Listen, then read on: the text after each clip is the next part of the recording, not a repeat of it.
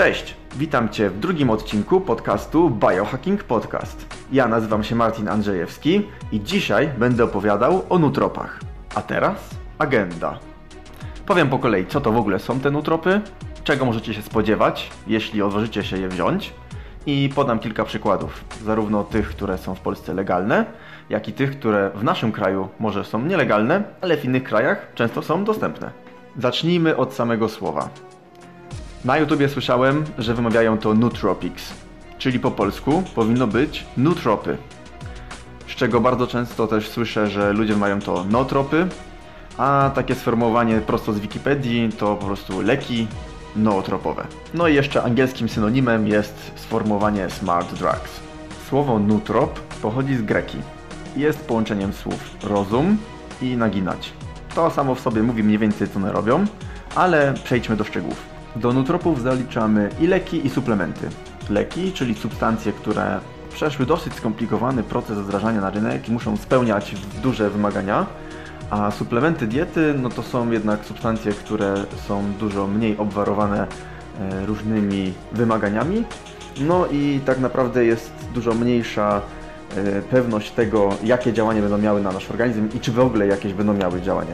Warto jeszcze wspomnieć, że leki mają przeważnie działanie silniejsze, ale wiążą się z większym prawdopodobieństwem jednak wystąpienia jakichś skutków ubocznych, gdzie suplementy mają działanie znacznie słabsze i te efekty uboczne w tym momencie też są również dużo mniej zauważalne i niebezpieczne. Wspólną cechą tych substancji jest fakt, że muszą one wpływać na funkcje poznawcze człowieka, czyli na nasz umysł. W szczególności chodzi o polepszenie koncentracji, umiejętności uczenia się, zapamiętywania, podnoszenia kreatywności, ale również zwiększanie motywacji i ilości energii. Dodatkowo nutropy muszą spełniać jeszcze dwa wymagania. Muszą działać neuroprotekcyjnie, czyli zabezpieczać nasz mózg, a po drugie muszą być bardzo mało toksyczne dla naszego organizmu. Tak naprawdę skutki uboczne mogą być albo bardzo małe, albo nie może być ich w ogóle. Brzmi idealnie. Nie ma efektów ubocznych, a my jesteśmy bardziej inteligentni i mamy więcej energii. No i właśnie dlatego ten temat nutropów jest taki trochę kontrowersyjny, ponieważ oryginalnie używano ich do powstrzymania funkcji poznawczych u osób, które mają choroby neurodegeneracyjne, jak na przykład y, choroba Alzheimera. Potem okazało się, że podawanie tych substancji osobom zdrowym powoduje, że ich zdolności umysłowe podnoszą się. Rynek substancji, które naprawdę lub rzekomo podnoszą funkcje poznawcze u ludzi, niesamowicie się rozrasta. Na zachodzie jest bardzo popularny i do Polski ten trend również przychodzi. Dlatego uważam, że każdy powinien wiedzieć, co to są nutropy, żeby móc wyrobić sobie na ten temat swoją własną opinię. Dobrze, ale jak mocnego efektu możemy spodziewać się po suplementacji takimi substancjami? Czy widziałeś film Jestem Bogiem? Tam główny bohater jest zwykłym człowiekiem. Mężczyzna, pisarz, nie wyróżnia się niczym od reszty społeczeństwa.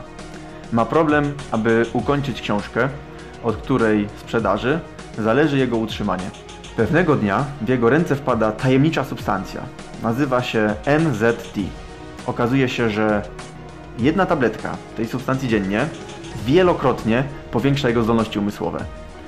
W jeden czy dwa dni kończy pisać książkę, okazuje się ona świetnie napisana, następnie zainteresował się giełdą, pomnaża swój majątek, staje się milionerem, uczy się nowych języków, w każdej firmie chcą go zatrudnić, jest rozpoznawalny, bardzo pożądany przez kobiety. I właśnie to NZT jest wzorowane na działaniu nutropów. Czy zatem takiego działania możemy spodziewać się przy suplementacji? No nie do końca. W filmie możliwości tego człowieka powiększyły się wielokrotnie.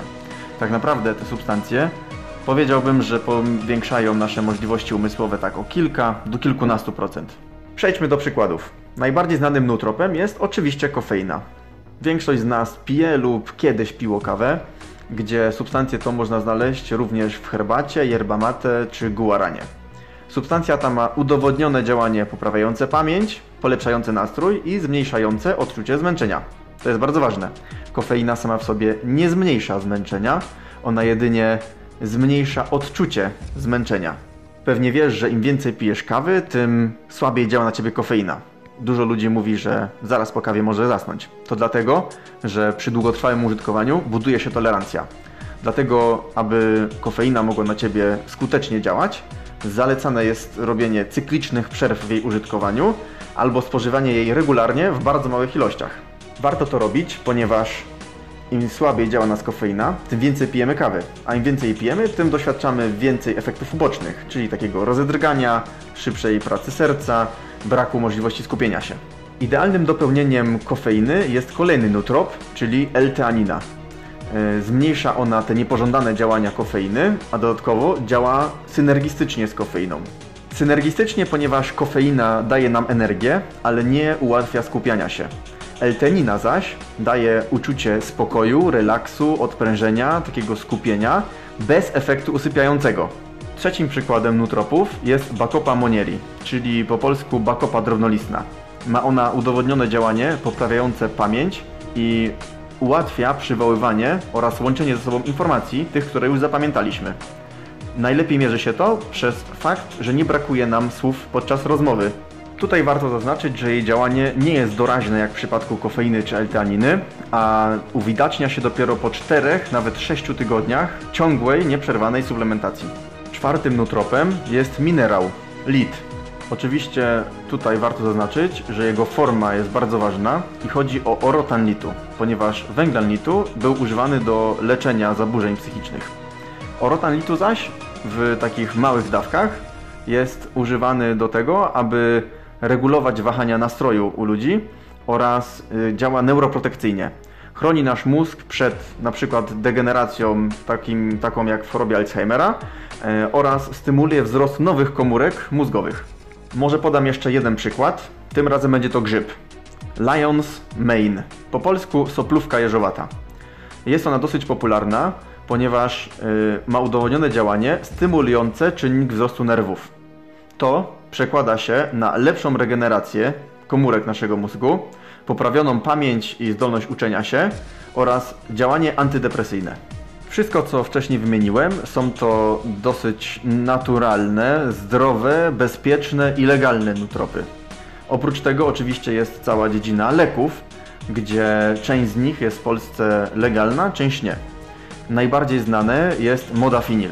Jest to substancja, która kiedyś w Polsce była dostępna, teraz jest jednak ona zakazana, jednak są inne kraje na świecie, gdzie można ją zdobyć. Innym przykładem jest adrafinil i piracetam. Te dwie substancje y, są dostępne w naszych aptekach, ale tylko za okazaniem recepty oczywiście. Y, Jest jeszcze jedna substancja, tak zwany nupept, który z tego co widziałem jest dostępny również w internecie. Jeśli chcesz poznać więcej nutropów i inne biohaki, które wspomogą pracę Twojego mózgu, zapraszam na swoją stronę internetową biohakuj.pl A ja chciałbym Ci już podziękować za wysłuchanie tego odcinka i tylko zaznaczę, że każda suplementacja wiąże się z pewnym ryzykiem, więc robisz to na własną odpowiedzialność. Do usłyszenia.